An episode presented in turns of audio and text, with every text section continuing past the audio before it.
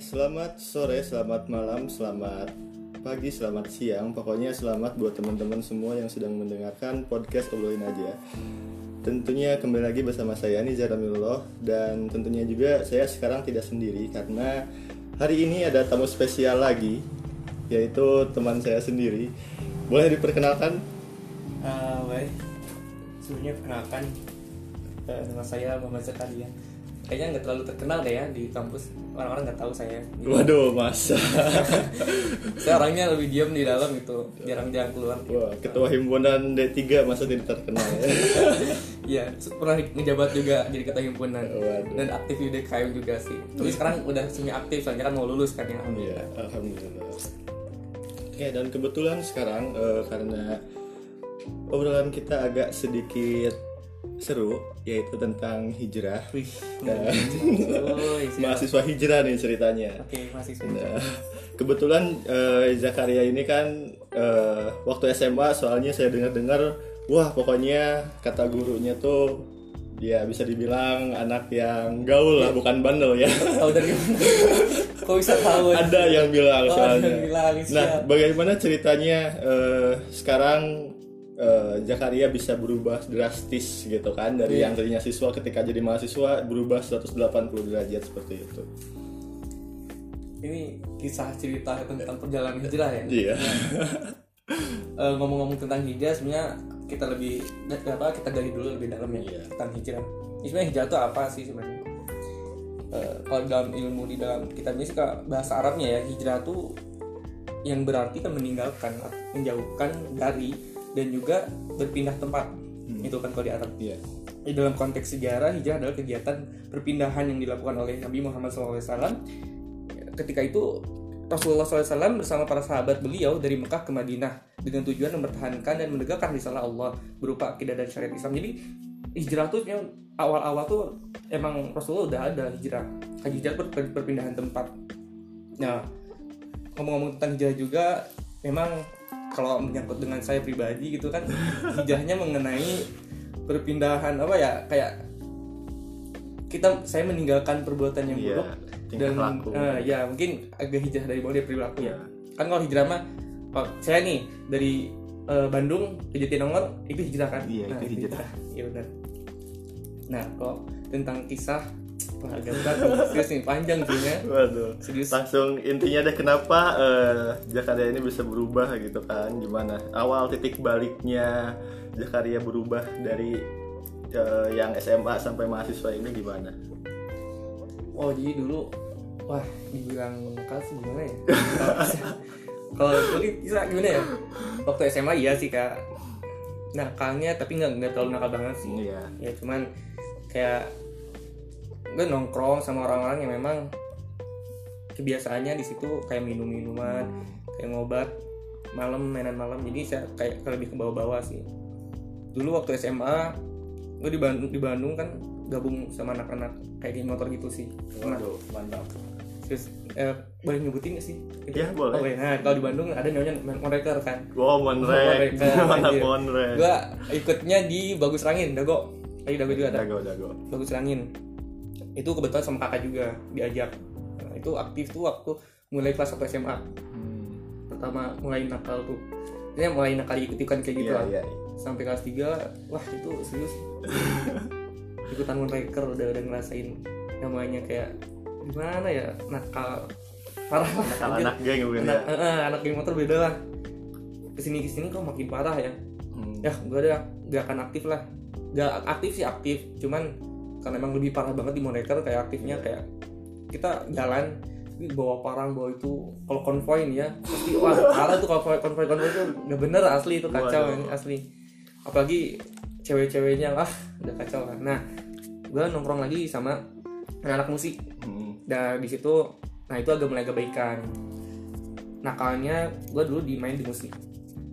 Di musik eh dari kelas 2 SMA sih udah mulai main-main musik gitu. Tapi nakalnya main musik gue sambil sampai malam-malam gitu. Sampai di situ ada teman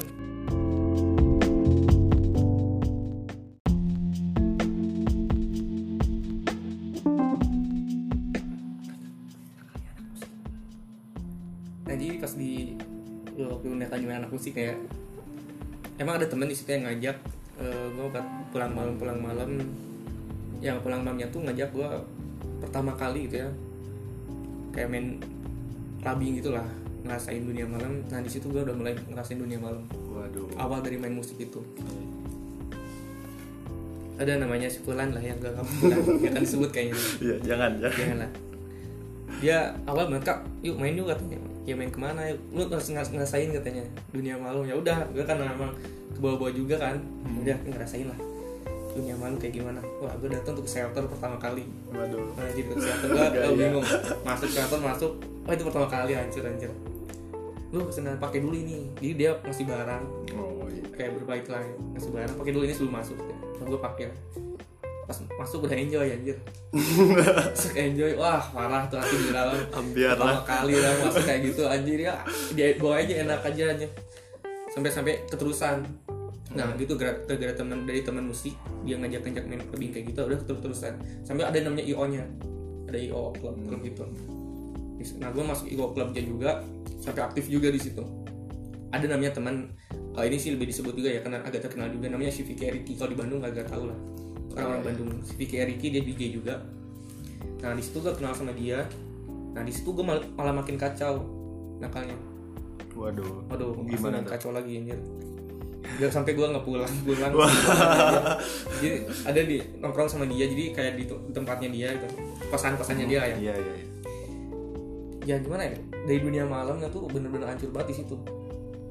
Di, di kosan-kosannya tuh gue emang bener-bener dibawa minum-minuman sampai ngerasainnya ah kacau lah gue tuh nggak nggak nggak berani nyebutin. Pasti yang dengernya kan anak mahasiswa ikopin lah. Iya. Bahaya nanti wah waduh sebut ikopin lagi. Oh iya kan disebut ikopin gak apa-apa ikopin nggak apa-apa. Oh iya gak apa-apa. Biar naik ikopin Oke langsung di situ wah kacau banget asli asli sampai sampai ngerasain hal yang kayak gitu.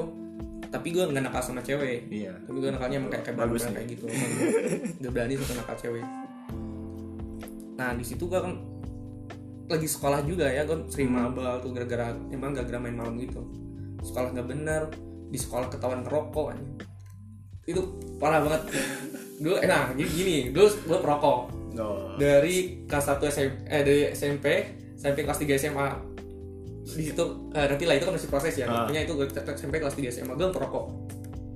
Ngerokok di kelas di kantin aja kayaknya ada anak-anak ikopin yang sekolah di eh, satu sekolah kayaknya tahu Iya. deh orang kayak gimana. Eh, itu parah ya. Di sekolah ngerokok ketahuan guru dipanggil siapa aja gue panggil orang-orangnya yang ngerokok bareng. Hancur lah itu ngerasain. Nah gue mulai hijrahnya tuh pas ketahuan gue nongkrong sama anak-anak moreker. Kan emang aktif di dunia malam juga Terus emang gue juga masih aktif di moreker. Iya. waktu itu gue nongkrong di dago Eh, kayaknya ada bap- bapak bapak gue ya melewat gitu ya. Nggak tahu melewat gitu dari mana gitu ya Heeh. malam. Posisinya gue megang rokok terus nongkrong parah. Kan kalau nongkrong pakai spanduk gitu kan Iya, iya, bendera dan lain-lain. Eh, kayak kayak kopdar gitu lah ya Iya. di bawah jalan layang. Nah, di bawah jalan layang pas bacaan dago banget kan kayak kayaknya lagi eh, bapak orang tua gue yang kayak lagi ngelewat abis dari mana dia ngeliat gue hmm, nah terus pas balik gue ditanya ngapain sih nongkrong itu tuh keadaan gue nggak belum nggak balik balik cuy. Gue nggak balik balik kayak udah dua tiga mingguan nggak balik. Gila dong makanya pak oh, bapak wah. Hancur bapak lah. ini nggak- kayak ya bapak gue nggak berani turun karena kan kalau marah-marahin gue di depan umum kayaknya malu ya. Iyalah. makanya nah gue udah dapet WA eh, bukan WA waktu itu BBM Hmm, masih usung BBM kan BBM BBM ya. dapat BBM BBM dari orang tua kan balik sekarang katanya. Pokoknya balik bapak pengen ngobrol. Hmm, ah karena kaget ya udah gue balikan balik pas datang ke rumah ya udah beres gue habis dimarah-marahin. Udah seminggu katanya ke mana aja eh bukan seminggu dua mingguan. Dua minggu lebih lah ya. Dia balik katanya ngapain aja terus bapak lihat katanya.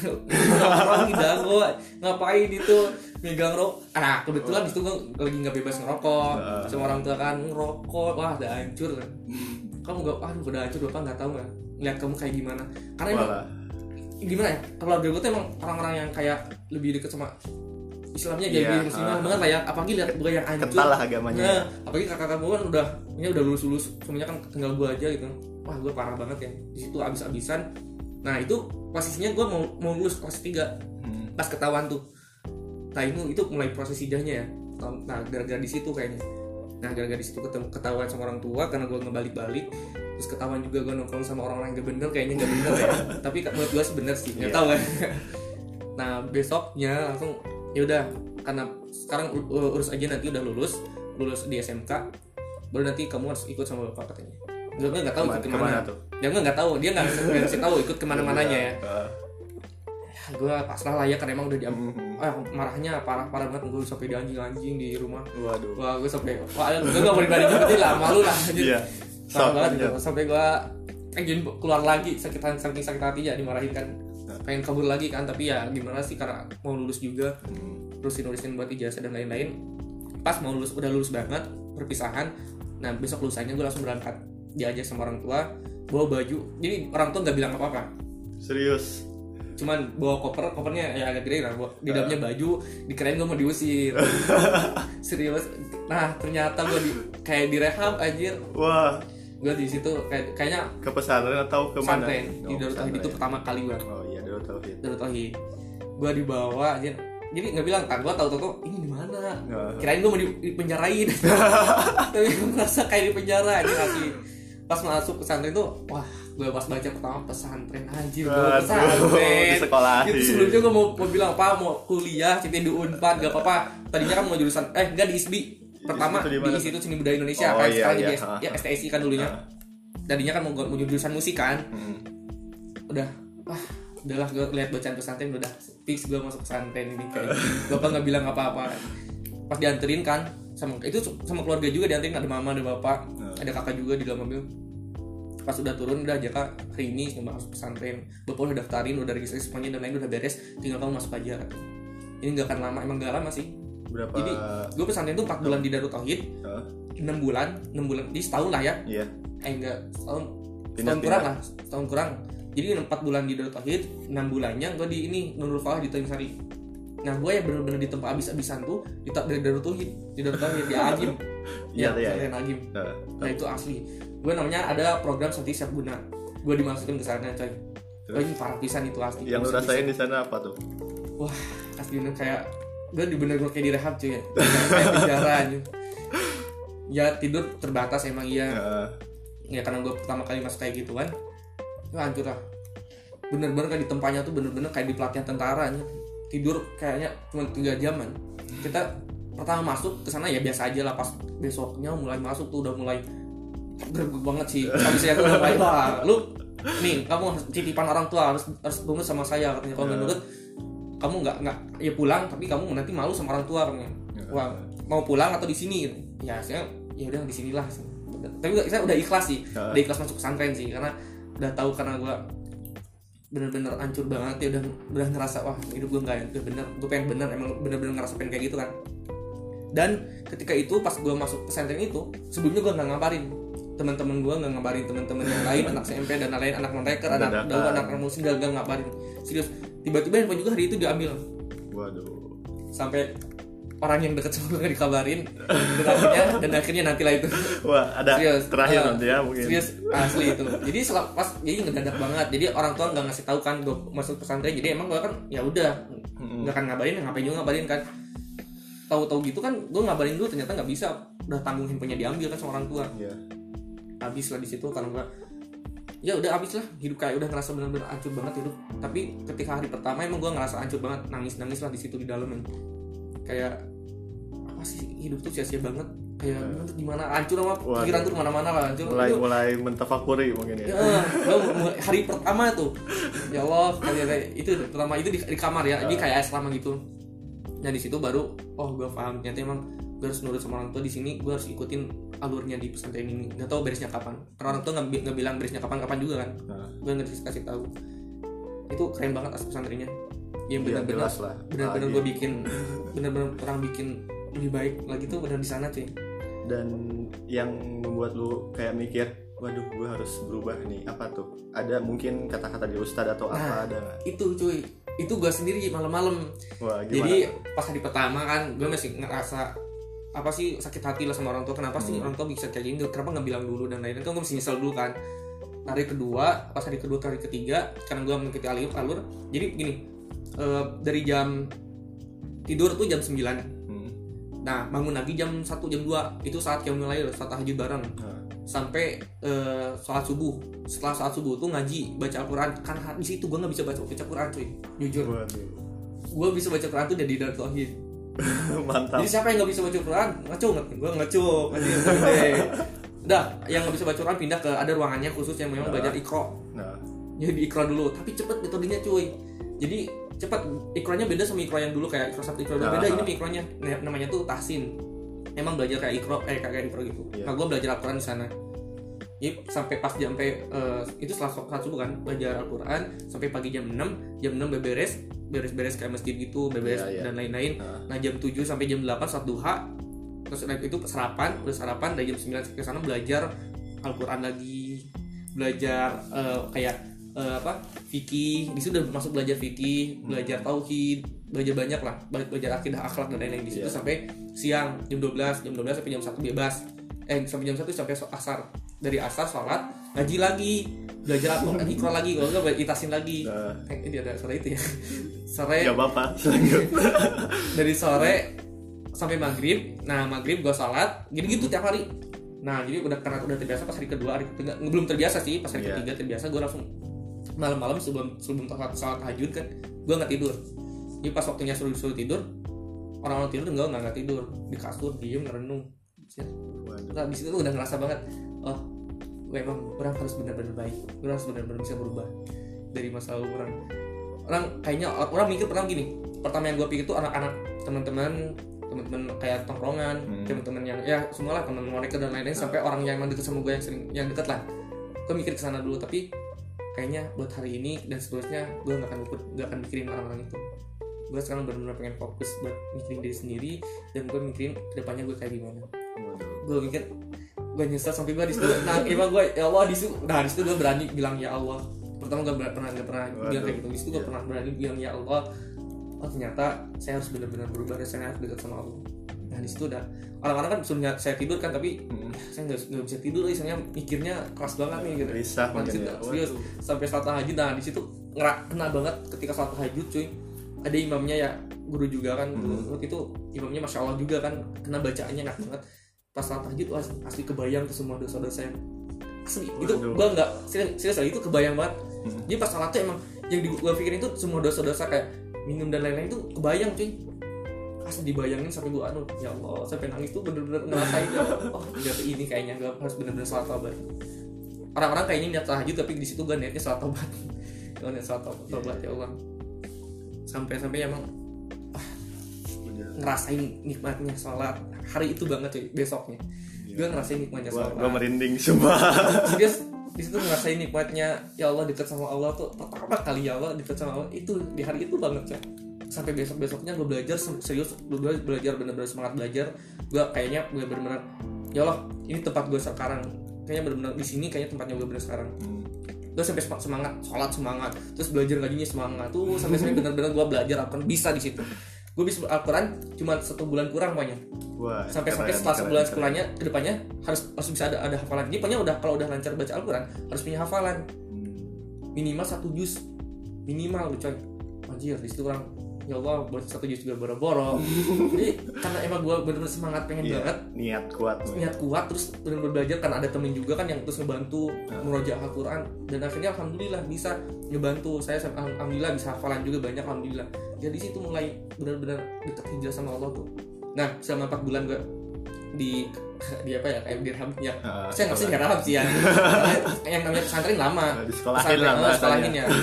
Minimal emang di dalam tuh orang-orang yang kayak gitu semua coy. Orang iya. kalau pas ngobrol Nah. saya cerita kenapa bisa masukin? Saya sama orang tua sama- pas gue tanya kenapa emang kamu dulunya ya saya kayak nakal Oh, oh, iya, ya iya. udah gitu. Tapi oh berarti ini orang-orang yang nakal di sini cuy. Tapi ada juga orang yang udah soalnya dia masuk lagi. Hmm. karena metodenya bagus katanya metode buat ngerubah hati itu benar-benar bagus manajemen hati man- manajemen kolbu lah Hmm. Wah, di situ 4 bulan ya kayak namanya pesantren kan lama ya harusnya Iya. kayak tiga tahun lah minimal 4, 4, 4 bulan punya pas terakhir yang paling kena malam terakhir coy lima hari lima hari gua dilepas di gunung Serius? serius itu terakhir penutupan Gunung di mana? Burangrang itu gunung pelatihan militer lah ya, militer Ya. Kopassus. Jadi emang tempat buat pelatihan militer gitu. Jadi area hutannya tuh emang hutan-hutan buat pelatihan gitu. Heeh. gue dilepas jadi emang hutan itu luas banget cuy. Jadi di Burangrang Heeh. enak banget itu. Itu ngapain aja di situ? Nah gini. Gue dibekalain apa ya? Tas. Ya tas carrier Ah. carrier 60 kilo 60 kilo ya. Eh 60 liter Ah. 60 kilo. Cuma air mineral dua air mineral yang dua eh, yang 1,5 ya liter loh, yang, yang Ah, gede lah. gede. ya, dikasih itu dua lilin empat. Jadi nggak dikasih tahu harus berapa hari berapa harinya. Dia dikasih tahu tuh pas di tempat di sana waduh. Jadi harus disapin itu aja. Kamu bilang ke orang tua minta duit terus beliin beli ini beli ini katanya. Ya kan kan langsung dikasih tahu kan sama orang. Eh, Hmm. eh, si kayak ustadz di, di dalam asrama tuh ngasih tahu ke orang tua. Masing-masing orang tua di sana suruh bawa bawa bawa yang di list sama pesantren itu. Dan akhirnya dibawain sama orang tua kan lilin empat terus yang air mineral terus kayak eh, dibawa disuruh bawa ini loh. Apa Eh, buat Panci- masak panci. panci kecil ya. Ah. itu nggak yang sekarang ada yang disewa Iya, iya. Nah, terus pakai gasnya juga. Hmm.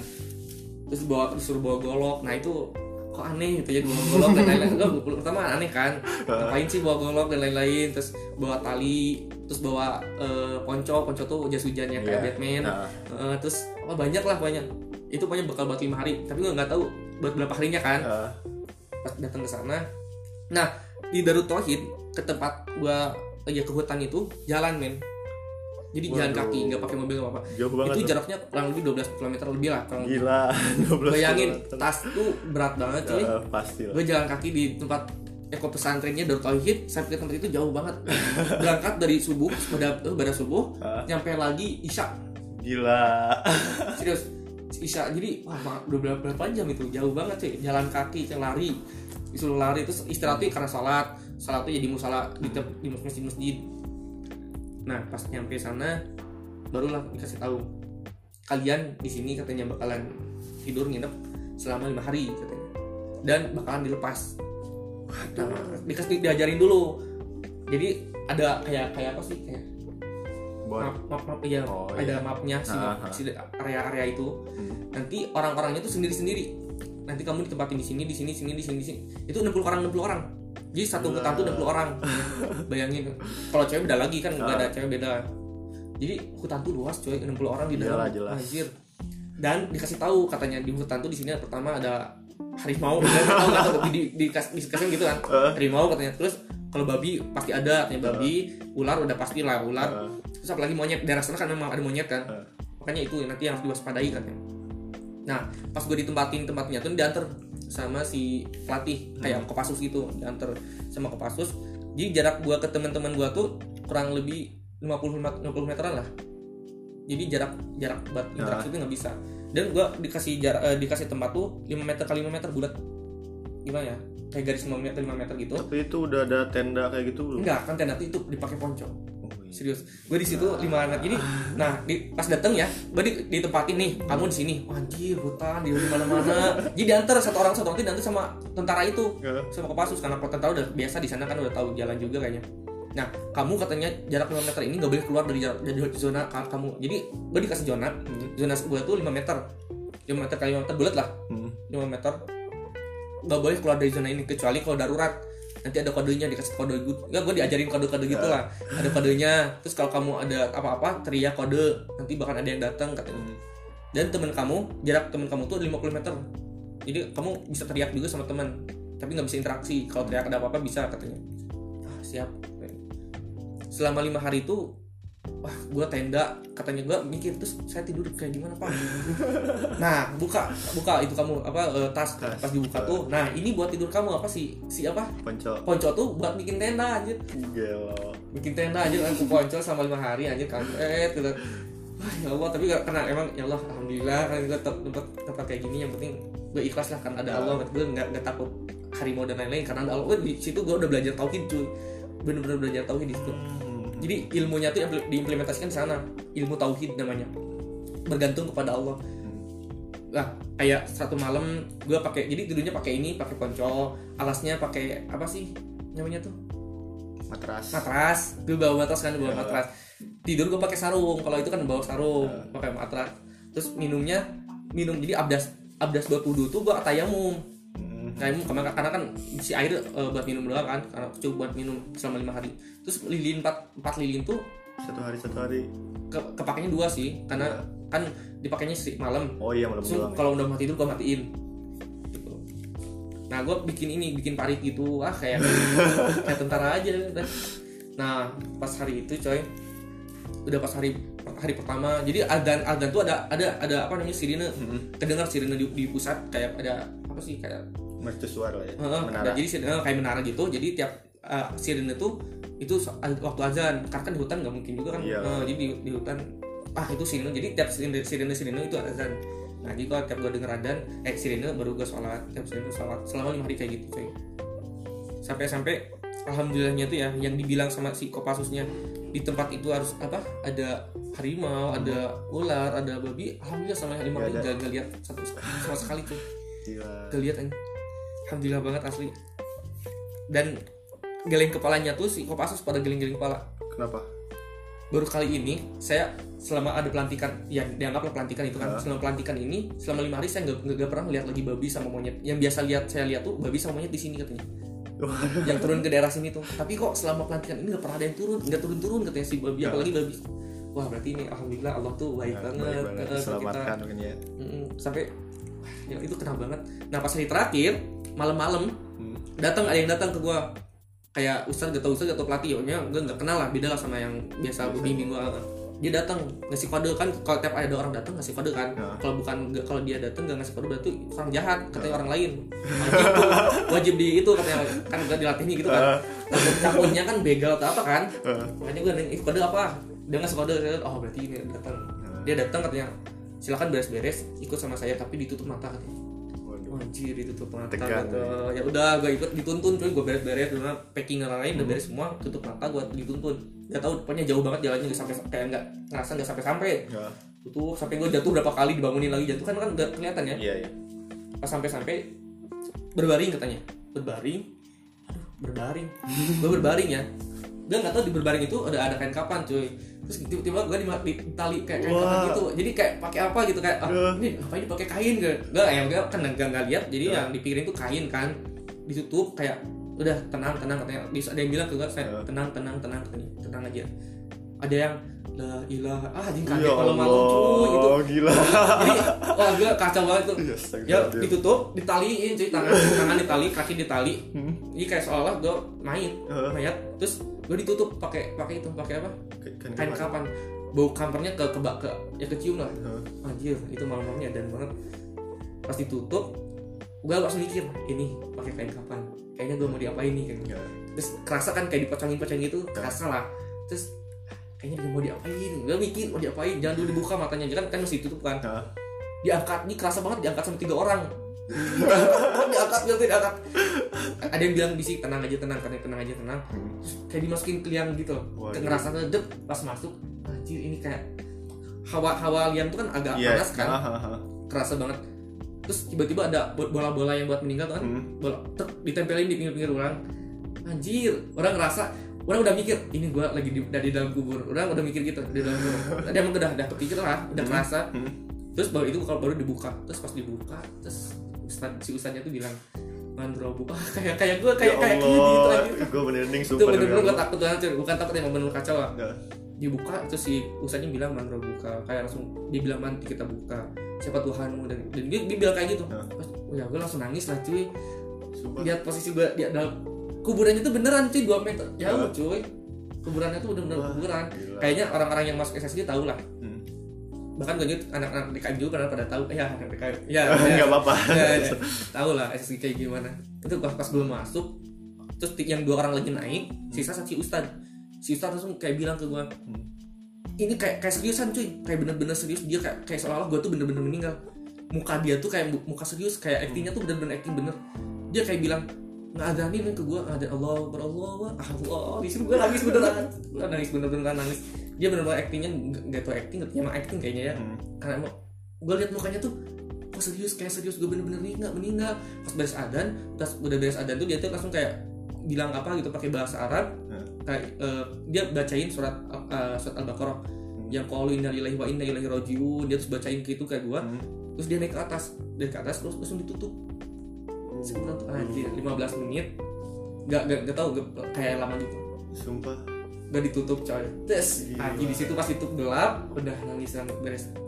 Yo, gue teriak-teriak coy. Serius gue teriak-teriak ya Allah ya Allah. Emang pas di situ gue mindset orang kebayang bahwa orang tuh udah meninggal. Hmm. ya orang takut kan? Itu orang bener-bener udah meninggal atau belum sih? Dia ah kacau banget di situ. Orang bener udah kacau nangis udah kacau takut udah kacau bener-bener ngerasain oh ya allah di dalam kubur tuh kayak gini udah gelap. Ah udah bener-bener kacau nangis. Nah di situ udah bener-bener itu yang kena banget. Sampai 15 menit diangkat ya diangkat diangkat lagi baru dibukain. Langsung dipeluk-peluk gitu sama ustaz insya Allah akhir katanya nah itu hari terakhir. Pas itunya beres langsung sholat kiam lagi bareng-bareng.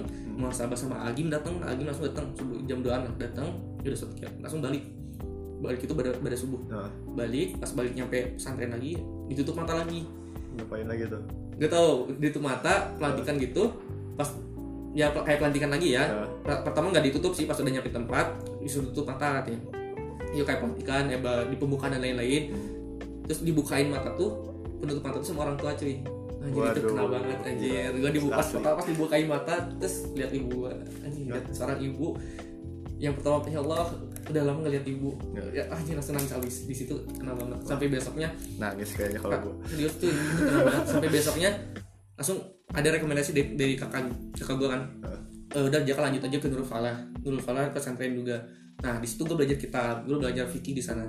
6 bulan itu di Tanjung Sari namanya pesantren Nurul Falah. Jadi setelah besok sampai rumah berangkat lagi besoknya. Berangkat lagi datang ke Nurul Falah. Nah di situ udah bener-bener di situ udah nah belajar kayak gimana jadi khotib belajar jadi imam dan lain-lain. Nah di situ udah mulai. Nah di situ pelajaran. orang udah pulang ke rumah gak ngabarin temen dulu jadi emang gak, nggak Langsung. megang handphone jadi besoknya di belakang lagi gak megang gak balik megang handphone nah kali situ agak bebas bukan bebas maksudnya bisa Ringan lah ya. ringan lah nggak terlalu parah banget kayak di DT enak sampai enam bulan di sana belajar baru ba- balik dijemput sama orang tua udah jaka kuliah aja katanya. nah kuliah masuk lagi kopin Waduh. di situ kan nah di situ udah bener-bener nah di situ gue nggak nggak ngabarin dulu teman-teman ya Hmm. ya kayaknya kalau gue ngabarin teman kacau lah tapi di situ gue ada ada sedihnya juga cuy Kenapa tuh? jadi ya cewek yang dulu deket sama gue tuh kan gue nggak ngabarin dia Ah. kan nggak ngabarin Waduh, Dia pas- percintaan nih masuk nih. iya kayak masuk ya bucin aja jadi pas pas gue mau ngabarin Ya, oh jadi dia ngejawabnya tuh kayak jutek lah ya. jutek gitu Ah. oh iya pas gue buka sosmed dan Instagram anjing dia udah Sama yang lain. sama yang lain sih bukan pacaran kalau pacaran nggak apa Ah. ini udah tunangan cuy itu lebih Waduh. di situ gue belajar sabar lagi oh ya Allah ternyata hijrah gue tuh harus bener-bener apa hijrah bukan Ah. hijrah tuh harus, pertama selain hijrah dari perbuatan gue hijrah dari kebiasaan dari akhlak juga kita juga harus hijrah dari syahwat dari hati Hmm. Hati gue tuh bener-bener maafik kolbi gue hati gue tuh bener-bener ada Allah dan Rasul aja. Nggak boleh ada siapa pun. Di situ gue bener-bener ngerasa udah gue pengen Allah aja di hati. Itu ada siapa boleh ada siapa pun Iya, boleh. nah di situlah gue mulai ngapain sih pacaran? Udah di situ udah gak mikir. Gue lebih setuju Indonesia tanpa pacaran. Wah. nah, di situ gue di situ mulai. Kayak gerakan-gerakan sekarang ya. Nah, tapi ya tiap, tiap orang beda-beda lah ya. Hmm. Kalau pacaran syariah sebenarnya nggak ada sih yang namanya pacaran syariah Tapi eh, kan tadi lu sempat bilang lihat ya dulu dulu temen te- temen cewek pacar atau temen cewek lu kan eh, tunangan sama yang lain nih. Eh, lu ngerasa kayak sakit hati banget gak sih ketika ngelihat itu? pertama sakit hati banget sih serius gue sampai jatuh banget hati itu bener-bener jatuh ya Aduh. oh ya Allah salahnya emang gue pertama salah gue ngabarin kan terakhir terakhir kabar tuh gue nggak ketemu sama dia di kafe juga eh tempat makan gitu ketemu ketemu tuh emang posisi gue lagi nggak baik. Hmm. dikira dia tuh emang bener-bener juga gue pengen minta putus sama dia. Karena gak emang gak baik tuh emang, emang lagi gak baik aja lah ya. Bukan nah, padahal gue gak minta putus bukan apa ya itu pertama kali jadi cewek juga. Karena emang orang tua gue gitu kan Ah, emang ngedadak nggak ngasih kabar buat saya harus megang handphone. Jadi gue nggak ngasih kabar ke mereka teman-teman juga nggak ngasih. Jadi pas gue tahu kalau dia udah tunangan sama cowok lain. Bahkan anjir si cowoknya tuh se- se- sedaerah sama lu gitu. Deket lah. Waduh. nah itu bisa sakit hati lah. Iya iya. tapi untungnya bukan temen deket sih. Hmm. wah gue udah pecah banget.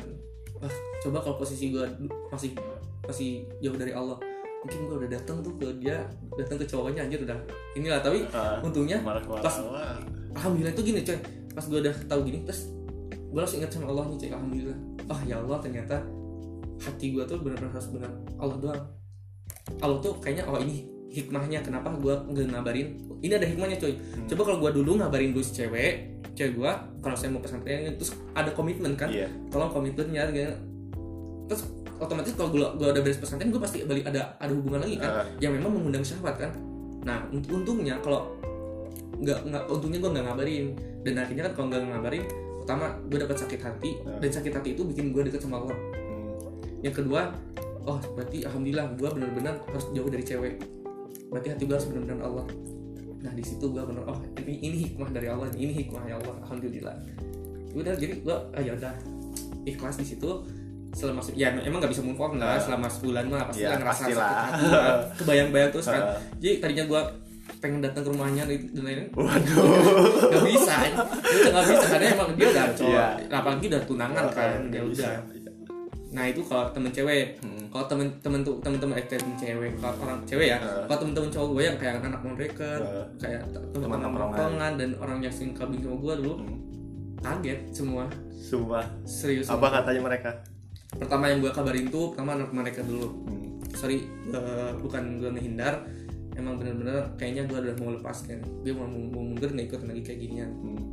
dia emang pengen bener Eh, saya udah hijrah gue bilangnya begitu saya udah hijrah Ah.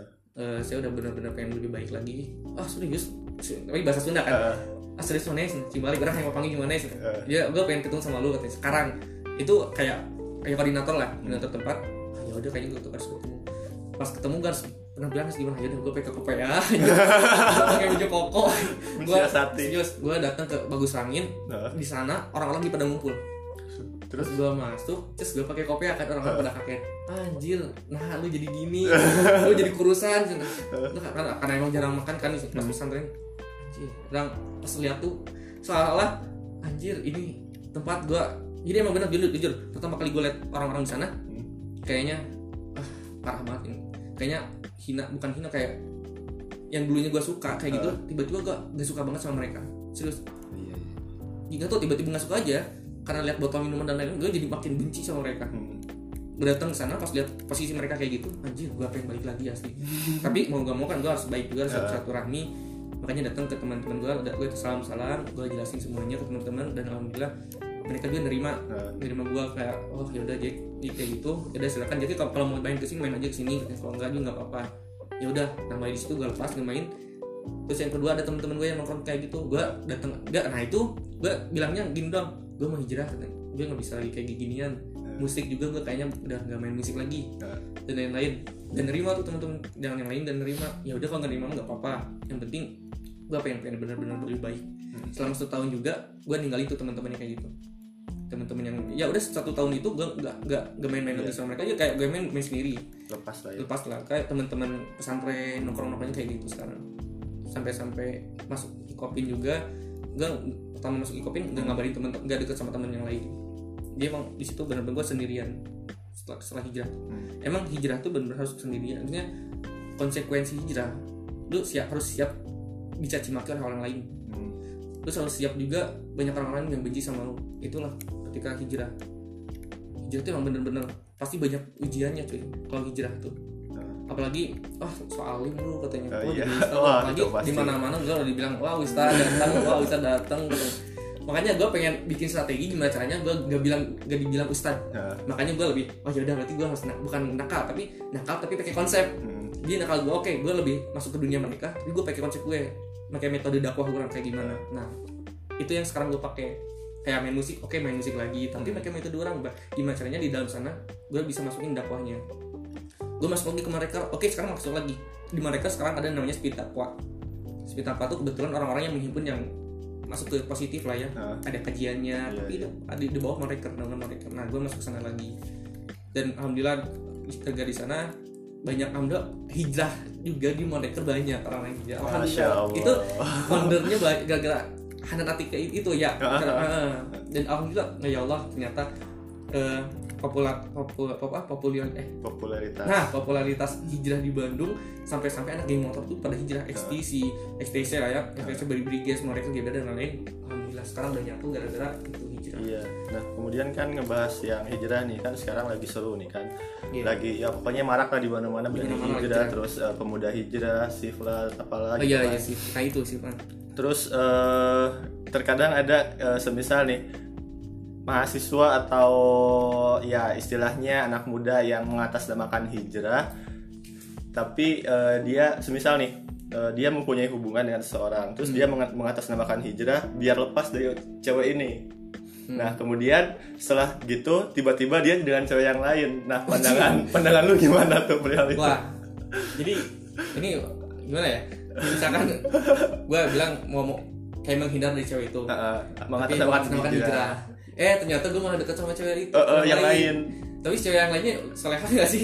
Eh, nggak tahu tuh nah pandangan lu melihat itu kayak gimana Pertama di Islam nggak ada namanya pacaran. Hmm. Eh, memang pacaran tuh karena kenapa nggak boleh pacaran? Karena i pacaran tuh nggak nggak haram sebenarnya. Hmm. Kalau pak menurut gua pacaran nggak haram. Setelah nikah, Iya. Pas sebelum nikah, ada ikatan. Iya, karena ada, ada ikatan kan. Pas sebelum nikah kan ada juga di dalam eh, surat Al-Isra Hmm. eh, ayat 32 ya di dalamnya kayak bilang gini, janganlah kalian mendekati zina. Hmm. Jangan pernah. Jadi zina tuh eh, mendekati aja nggak boleh. Mendekati. Iya. Apalagi kita udah melakukannya. Berarti otomatis kalau kita pacaran, pertama pegangan tangan itu mendekati zina nggak sih? Iya. Eh, terus kedua kayak kita deket-deketan kayak Nah. cium-cium wah, eh, Waduh. gitu ya. itu udah termasuk zina lah ya Iya, iya, iya. pandangan syahwat aja udah termasuk zina Iya. gue mandang mandang cewek terus muncul syahwat gue suka terus gue pengen apa gitu Hmm. nah itu udah termasuk zina cuy mendekati Hmm. nah di dalam surat al-isra juga dibilang bahwa sebenarnya itu perbuatan yang sangat keji mendekatinya aja itu udah keji cuy itu bahaya nah makanya di situ sebenarnya nggak ada namanya istilah pacaran nah yang masalah yang tadi di, kasus tersebut kayaknya orang itu ini kalau pandang gue ya Nah. itu salah cuy. Nah, yang namanya lo hijrah gitu udah aja yang namanya lo hijrah ya lo tinggalin hal-hal yang Iya. buruk apalagi udah cewek. Gitu cuy. Tapi orang emang ini ujian orang juga. Orang ujian orang sekarang lagi ngerasain gimana nya hati gue lagi pengen deket sama bukan deket lagi hati gue tuh emang lagi ngerasain ny- nyaman juga sama seseorang. Nah, nah itu yang gue rasain. Tapi gue emang bener-bener ya Allah ini ujian apa lagi ya Allah? Saya sekarang yang sekarang gue alami nah, ya gitu. Tapi gimana caranya? Ya udah gue nyaman sama cewek ini tapi gue keep sama Allah. Gue bilang ya Allah ya yang penting nggak apa-apa. Gue dia nggak nggak deket sama gue yang penting gue udah nyampain gue udah nyampain sebenarnya. Gimana tuh? ya gue nyampein aja ke dia. Eh, ya udah gue suka sama lu tapi gue nggak berharap lu bisa suka sama gue juga. Oh iya iya. gue nggak berharap uh, kita ada hubungan lagi enggak tapi yang penting gue menyampaikan lah perasaan gue biar plong aja gitu biar nggak ada perasaan selebihnya gue keep aja sama Allah gitu. Nah itu yang gue rasain. Nah angka baiknya kalau lu siapa pun itu ya anak-anak kampus mahasiswa ya kalau lu suka sama seseorang pertama deketin aja Allahnya dulu coy. Iya itu. gitu, deketin Allahnya lu Yang minta sama yang punya hati. Nah sekarang yang punya hati siapa sebenarnya Ya Allah Pak. hati lah Allah kan? Iya. bahkan yang mau kali balik lu sabit kali lagi nih Allah itu yang mau balikan hati. Hmm. maka yang berhak mem- membolak-balikan hati itu Allah. Bisa aja. Hmm, sorry. Bisa aja gue hati sekarang lagi istiqomah. Eh besoknya malah malah hancur. Ah, karena yang hati yang punya hati kan Allah. Bisa jadi Allah seperti itu bolak balikin bisa jadi hari ini gue suka sama dia tiba-tiba besoknya gue benci. Karena Allah kan yang membolak balikan hati. Hmm. bisa jadi gue suka sama dia dia nggak suka sama gue eh tiba-tiba gue berdoa sama Allah ya Allah gitu. terus gue berdoa sama Allah eh tiba-tiba Allah gerakan hati seorang itu Waduh, tiba-tiba Ba- ngejar-ngejar. Nah, tiba-tiba nikah lah nggak boleh gue lah. lebih setuju nikah langsung lah Iya. Hmm. Langsung Karena kan- ke rumah. Eh, nah itu karena yang buat balikan hati itu Allah makanya minta aja dulu sama Allah selebihnya pasahin aja sama Allah lebih baiknya gini aja ya udah gue cinta sama si dia ungkapin aja udah jangan ungka- ungkapin lu lu pasah, eh, pasahin aja semuanya sama Allah udah keep aja sama Allah dan lu jangan pernah berharap agar si cewek itu bisa cinta lagi sama gua. Ya misalnya bisa cinta lagi sama lu itu nggak boleh. Ada jangan, pernah berharap ada timbul baik di cewek itu. Nanti juga kerasa sendiri kok apalagi kalau udah dekat sama Allah gitu. Makanya tadi yang kasus sama lu bilang kayaknya nggak baik deh kayak gitu apalagi atas namakan hijrah ya Iya. eh So- tiba-tiba dia so- soalnya banyak sekali yang kayak gitu sekarang gitu kan mengatasnamakan hijrah Hijrah. karena hijrah lagi populer nih oh kan iya kan sekarang. iya apalagi di Bandung kan banyak Heeh. hijrah hijrah hijrah kayak gitu kan kan terus tiba-tiba Nah. mengatasnamakan itu agar terlepas tiba-tiba karena ada yang lebih nih tiba-tiba ngejar yang lagi lebih ah itu banyak yang kayak ya kayak gitu, gitu apalagi udah udah pacaran wah kacau itu Ya. itu lah cuy terus juga kan ada eh, yang hijrahnya itu apa ya karena bukan karena Allah tapi karena apa yang dia pengen kan semisal karena eh ya baik lagi mungkin ya karena cewek itu misalkan cewek itu wah cewek itu soleh berarti gue harus bener-bener nih biar soleh gitu suka kayak Oh. gitu kan nah Ya. itu gimana tuh Ini ada di dalam hadis riwayat Bukhari ya eh, nomor satu dan Muslim juga nomor sembilan- se- sa- 1907 yang bilang di gini, di dalam hadisnya itu innamal a'malu binniyah. Sesungguhnya setiap amalan itu tergantung pada niatnya. Nah Hmm. Wa innamal imri, imriyin manawa katanya. Dan setiap orang akan mendapatkan apa yang ia niatkan. Ia niatkan. Jadi niatnya sesuai apa yang niatkan. Ah. Pasti dapat tuh. iya Nah, faman kanat siapa yang hijrahnya karena Allah, faman kanat hijratu ilallah, siapa yang hijrahnya karena Allah wa rasulihi fa hijratu ilallahi wa rasulih dan hijrahnya karena Rasulullah, maka itulah yang akan dia dapatkan. Misalkan siapa yang hijrahnya karena Allah dan Rasulnya, maka hijrahnya juga itu untuk Allah dan Rasulnya. Hmm. kayak gitu coy. Wa man kanat hijratuhu ila dunya siapa yang hijrahnya karena mencari dunia wa imriin atin yatazawwajuha siapa yang hijrahnya juga karena atau karena wanita yang ia pengen dinikah, dinikahinya nih. Langsung dia di, di, di dalam hadis itu dia bilang kayak gini Fah, fah- apa sih? Eh, fa hijratuhu ila ma hajara ilaihi. Jadi maksudnya maka hijrahnya kepada yang ia tuju. Jadi kalau Ah. gua gini kalau gua hijrahnya karena cewek karena pengen gua nikahin Ah. maka ya itu yang gua dapet. Itu Iya, iya, yang di dalam hadis kayak gitu. Kalau gua hijrahnya pengen dunia maka ya dunia yang didapat Hmm. tapi kalau hijrahnya karena Allah dan Rasulnya maka itu yang lebih yang lebih yang lebih benar-benar gua gua dapat Iya. makanya bahkan itu ada kisah nih. Ini kisah juga pelajaran dari kisah muhajir Ummu Qais ya Iya, gimana tuh? itu kisahnya gini tuh Eh, jadi tidak ini ada di dalam hadis juga tapi di dalam hadisnya tuh eh, di dalam kisahnya gini ada tiga orang mana sih di dalam tiga orang banyak tiga orang gue lupa lagi eh, ceritanya tapi yang saya ingat gue kayak gini Ya. dia hijrahnya itu pertama ada tiga ini sama Rasul Hmm. hijrah yang pertama hijrahnya tuh karena Hmm. Jadi hijrah dari Madinah ke Mekah Iya. bareng Rasul dia pertama hijrahnya pengen karena wanita yang dia nikahinya yang satu nih hijrahnya pengen karena Allah dan Rasulnya ini sama terkaitannya sama hadis-hadis Iya, ini. hadis yang tadi. Nah, yang ketiga hijrahnya pengen karena dunia Hmm. maka tiga orang ini yang niat ya yang sahabat Rasul ya Iya. sahabat Rasul itu mereka hijrah dari Madinah ke Mekah itu ya sesuai apa yang dia dapatkan jadi yang satu kan niatnya karena wanita pengen dinikahinya maka dia dapat itu Hmm. Nah, yang satu lagi hijrahnya karena Allah dan Rasulnya, ya dia juga pasti dapat yang itu. Dan ada yang hijrahnya karena Rasul Nabi eh karena dunia. Nah, itu yang dia dapat juga di dunia. Jadi emang hijrah tuh tergantung niat kita, cuy. Niat kita hijrah tuh buat apa sih sebenarnya? Kalau bener lebih baik alangkah baiknya hijrah tuh emang benar-benar karena Allah dan Rasulnya. Hijrah tuh pertama lebih baik. Jadi nggak apa-apa sih kalau bisa hijrah karena wanita, ya nggak apa-apa juga. Nanti juga tuh lurus sendiri. Ah, ah, Kalau ah. ya kayak gitu lah banyak. kadang ada yang suka kayak gitu ya ketika misalkan hijrahnya mengejar cewek tapi ketika udah kan mendalami kan secara tidak langsung. Nah, lebih deket lagi pas ketika dia hendak eh, mendalami Heeh. ilmu-ilmu agama Allah, oh ternyata oh, salah nih. Heeh. Menurut dia salah. Biasanya kayak gitu kan, ya. Dia langsung naik itu. Makanya dia kalau gini di, di, di lembaga di, di kampus Hmm. dia disebut lagi Gak apa-apa. tadi DKM gitu kan. Ah, Lu sini masuk ke sini mau ngapain? Ditanya. "Eh, lu lu lu lu, lu kan ya teman-teman, lu masuk ini, saya mau belajar Kang. Saya mau ini, saya ini. Ah jujur aja sama bapak lah. Siapa, siapa yang mau jujur? Siapa yang cewek? Ada. Jujur kan. Waduh. Ada cewek di DKM yang gue suka kan. Waduh. Gue pengen ke sana, pengen dapetin dia kan. Gak apa-apa kan? Ya nggak apa-apa. Masuk aja DKM. Nah, ya emang gitu kan. Masuk aja sini. Masuk aja. Sok udah masuk. Nah nanti dia dia kan di- dikasih kajian-kajian dan lain-lain. Dia dia baru lurus kan. Meskipun niatnya gak lurus dulu pertama, Iya. yang penting nanti juga dia eh, ke sini ke sini pasti lurus. Dia pasti paham Menemukan lah ya. Heeh, kayak gitu. Kadang ada juga sebaliknya, cewek datang, wah itu memang kasusnya banyak sih. Cewek masuk ke DKM gara-gara cowok, ada juga kayak gitu. Wah serius. Ada. Waduh.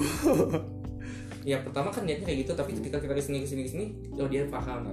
Mulai ya. Kalau ternyata salah niat saya seperti ini. Hanya kadang pas di pertengahan, kalau benar dia eh, apa niatnya karena Allah, pasti dia pasti benar-benar terus eh, apa maju buat negakin agamanya Allah. Tapi kalau dia hijrahnya karena seseorang, pasti kalau di tengah-tengah dia nggak dapet seseorang pasti mundur. Hmm. Itu kasusnya kayak gitu. Yang sekarang. Jadi ya. Eh, jadi kalau dia hijrahnya misalkan karena cowok eh ternyata pas di tengah-tengah perjalanan dia kok gak dapet dapet cowoknya terus dia nggak malah sama Allahnya malah ditutup hidayahnya maksudnya karena apa nggak dikasih ilmunya sama Allah tiba-tiba dia mundur nah itu udah banyak banget studi kasus kayak gitu makanya udah umum lah. Makanya kalau hijrah nggak apa sih kalau niatnya karena cewek karena lain-lain. Karena di sini juga ada kisahnya juga. Ah. ada yang karena cewek ada karena dunia. Ada juga yang karena Allah. Karena rekomendasi kalau gue kalau gue sih hijrahnya karena Allah dulu. Orang dan Rasulullah ketika lo udah deket deket sama, sama Allah lu mau siapa pun juga minta aja sama Allah. Insya Allah pasti dijabah lah. Hmm. kayak gitu. Dan Allah juga pasti memberikan yang terbaik lah ya. Hmm. Dan terus juga nih semisal eh, kan suka ada nih ketika aduh pengen hijrah. Nah ketika hijrah dia kayak merasakan kok lebih sulit ya? Kok lebih susah ya hidupnya? Kan suka ada yang kayak gitu tuh. Oh ini nah kemudian eh, eh, dia tuh tiba-tiba semisal niatnya jadi niat hijrahnya tuh jadi berkurang. Nah jadi cara untuk menguatkan si niat hijrah itu agar tetap eh, kuat itu ada caranya nggak kira-kira? Agak istiqomah lah ya. Nah, agar istiqomah ya itu bahasanya. Sebenarnya itu tuh ujian itu namanya ujiannya ketika gue yang namanya hijrah nggak mungkin ada ada juga hijrah ketika dia hijrah bisa mendapatkan nikmat juga dari Allah ada juga nikmat dari Allahnya berupa ujian. Hmm. kayak eh kok udah hijrah malah gue makin susah sih malah makin eh, apa sih material gue misalnya keuangan gue malah makin hancur terus hubungan keluarga gue malah hancur. Itu sebenarnya ujian. Ujian dari Allah agar apa? Ada naik tingkatan namanya setelah hijrah itu ada istiqomah agar gua agar kita istiqomah itu ya itu ujiannya. Kalau gue gini pertama ujiannya kan dari cewek dulu. Ah. kalau gue nggak deket sama Allahnya mungkin ya udah gue hancur lagi hijrahnya.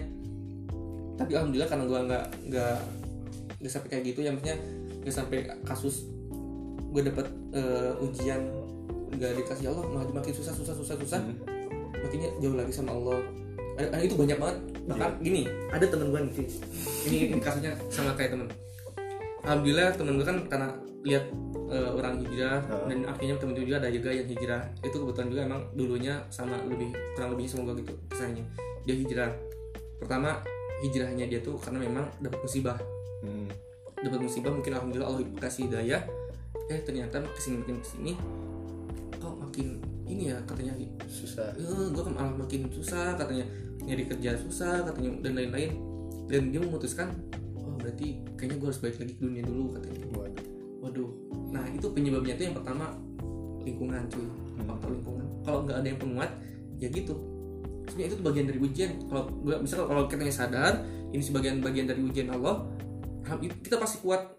Cuman kalau kita nggak sadar kalau ini bagian dari ujian Allah dan gue nggak ada pengingatnya ya pasti balik lagi kayak gitu. Itu banyak kesedih kasusnya. Makanya gue nyesal karena gue nggak terus ngabarin teman gue yang itu. Oh iya dia akhirnya sempat kabar-kabaran ya gimana pengen belajar ngaji dan lain-lain. Ya udah pernah belajar ngaji juga taklim bareng. Dan akhirnya karena gue kan di Jatinangor terus di kampus terus ya sibuk di sini kan. Iya. karena kemarin kan ada aktif aktivitas yang Aha. padat banget. Sehingga gue nggak kekontrol anak-anak yang di Bandung. Dan akhirnya dia balik lagi cuy. Hmm. balik lagi ke dunia gitu. Pas gue kaget wah dia udah gitu lagi. Bahkan kalau ngobrol udah aja kayaknya nanti gue menunggu bener-bener hidayahnya dari awal. Wah lu aduh ya Allah yang dulunya dulu taklim bareng. Lu ngaji bareng sama orang tapi nggak apa-apa lah ya, karena hidayah Allah tuh kan apa sih ya udah karena Allah yang mau ngebalikan hati kan gue bilang tadi ya udah mungkin Allah lagi balikan hatinya dia gue minta aja sama Allah ya Allah mudah-mudahan di istiqomah juga bisa istiqomah. Nah, itu ujian ketika kita mau naik derajat kita ke istiqomah pasti banyak yang kayak gitu. Yang pertama kita harus cari eh, orang-orang yang soleh dan solihah berarti lingkungan ya Hmm. yang mempengaruhi kayak gitu kalau lingkungan kita nggak mendukung ya pasti kita balik lagi kayak gitu. Balik lagi ke dunia kita sebelum hijrah. Nah itu yang jadi kasus banyak banget kayak gitu. Banyak teman-teman cewek gue yang di Bandung juga yang dulunya gue lihat gitu ya di Instagram alhamdulillah kadang juga interaksi katanya baik alhamdulillah sekarang ya dan lain-lain dia bilang kayak gitu eh pas gue main lagi ke Bandung eh malah itu lagi. Dan gue tanya lagi ternyata pertama faktor lingkungan dan memang dia punya masalah yang kok Allah nggak ngabulin doa gue nah gitu dia. Oh iya. Nah itu sebenarnya. Makanya ketika hijrah yang pertama yang harus kita eh, apa bukan perhatikan yang harus pertama kita lakukan itu Ah. langsung kita cari orang-orang soleh dan solihah.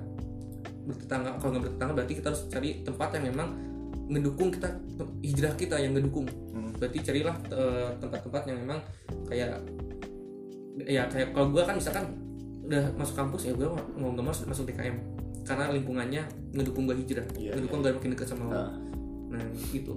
Lingkungan-lingkungan yang memang orang-orang yang soleh solihan ya. Alhamdulillah di luar juga di umum karena gue ikutan taklim alhamdulillah ada, ada guru juga. Nah yang kedua harus cari guru. Hijrah tuh ketika yang pertama cari orang-orang soleh atau lingkungan yang membuat lu mendukung hijrah. Yang kedua cari guru. Kalau ketika hijrah kita nggak ada guru itu agak susah juga. Tapi nggak apa-apa sih gue kayak gurunya di YouTube juga nggak apa meskipun ada juga ulama yang ngelarang. Belajar tuh harus ada guru. Iya. nah itu yang harus gue rekomendasiin tuh harus ada guru Guru langsung. atau mur- murabi eh, guru langsung ketika udah dapat guru pasti kan ada yang terus membimbing ngebimbing kita Hmm. biar lebih kuat lagi dan ketiga ya udah tinggal lu mengimplementasikan apa mengimplementasikan apa yang lu dapat ilmunya lu mulai dakwah terusnya lu mulai eh, menyampaikan lah Ah, ah. menyampaikan apa yang lu dapat ya itu sih harusnya terus bisa lah kayak gitu Ada lagi nggak? Pak. Banyak sebenarnya kayak eh, pengaruh niat dalam hijrah. Kan Nah, banyak nih ya yang tadi sih ya, kayak niat hijrah tuh kayak orang-orang udah niatnya lurus ada juga niatnya yang bukan karena Allah pasti pengaruhnya beda-beda. Hmm. Gitu. Makanya buat mahasiswa mahasiswi ini ya harusnya yang pengen hijrah gitu ya. Gue rekomendasinya harusnya hijrah sih. Hmm? Yang gue rekomendasi buat mahasiswa mahasiswi Oh, iya, iya. terutama di kampus kita. Yuk kita hijrah bareng-bareng. Ayo teman-teman, ikopin. ya hijrah barengnya tuh kayak gini loh. Ya yang yang hijrah bukan berarti dia harus Iya. jadi soleh kan. Tapi hijrah dari perbuatan yang negatif menjadi perbuatan yang positif. Lu kongkongnya kongkong yang positif. Kayak per- eh, ulah bergaulnya udah mulai mulai bergaul yang positif lah. Yang membuat diri lu lebih baik lagi di dunia dan akhirat. Yang bisa mengubah masyarakat orang-orang bisa lebih baik lagi. Iya. Ya, hijrahnya salah satu itu aja dulu deh. Udah itu pasti naik lagi naik level. Mulailah Naik masuk sholat Ya. eh, masuk ke sholatnya gimana. Yang penting orang-orang di kampus di Kopin dia bisa hijrah menjadi lebih baik lagi. Nggak nggak harus jadi ustadz ustazah nggak harus jadi orang baik. Iya, iya. eh maksudnya nggak nggak ya harus harus jadi orang baik. Nggak harus disebut orang soleh. Iya. atau solehah yang penting lu jadi orang baik gitu maksudnya. Tuh. Hijrahlah menjadi ke lebih hal positif lah. Yang duanya lu lebih nongkrong gak jelas ngegibah coba deh stop. Nah, itu yang susah mungkin ya di kita sekarang mungkin kan. kayaknya ya itu emang udah makanan sehari-hari ya. cowok aja cowok aja udah kayak gitu udah Heeh. apalagi cewek ya susah Iya, cewek lebih ini. Heeh. Ya, itulah pokoknya. dan emang sekarang ada program juga juga Hmm. metode yang dulunya kan gua jujur dulu gua mengharamkan musik Hmm.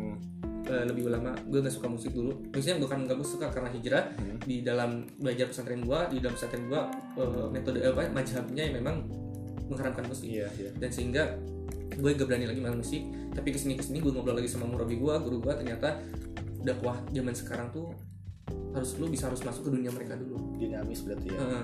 kayak clubbing lu saya saya mengizinkan kamu main, main clubbing lagi katanya Hmm. itu guru gue cuy bilang gitu serius eh tapi di dalamnya beda. Ah, yang tuh? dulunya lu di dalamnya misalkan mabuk yang dulunya di dalam lu nge-enjoyin tuh musik-musik clubbingnya DJ lah dan lain-lain coba lu beda. Lu masuk ke dalam lu observasi lapangan kayak gimana lu lihat eh, medan perang kayak gimana gimana caranya lu bisa ngajak sedikit kayak pertama sholat gue sholat dulu deh.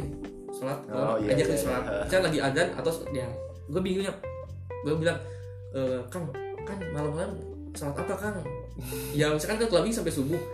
Ya lu izin aja sholat subuh ke teman-teman dan lain-lain. Hmm. itu kan sebagai dakwah sarana dakwah kecil hal kecil gitu. Pertama yang ngajak. Jangan ngajak kayak lu nunjukin aja bahwa lu sholat Hmm. gue mikir tapi nggak mungkin juga ya kadang-kadang lo biasanya jam 2 Nggak. ah berarti udah deh clubbing nggak bisa gue nggak akan masuk. Nggak bisa kayaknya gue takutnya kalau nggak masuk lagi ke sana wah pasti Takut sedikit sedikitnya dibawa ke bawah lagi. tapi meskipun gue tahu kan ini nggak boleh banget. Hmm. Tapi ya gue gitu kata guru. Terus kedua musik. Lu dulu kan cinta sama musik. Yaudah lu masuk lagi ke musik tapi dengan syarat lu beda lagi metodenya. Dengan niat lu dakwah. Meskipun ya lu enjoy kepada musiknya itu pasti enjoy kan?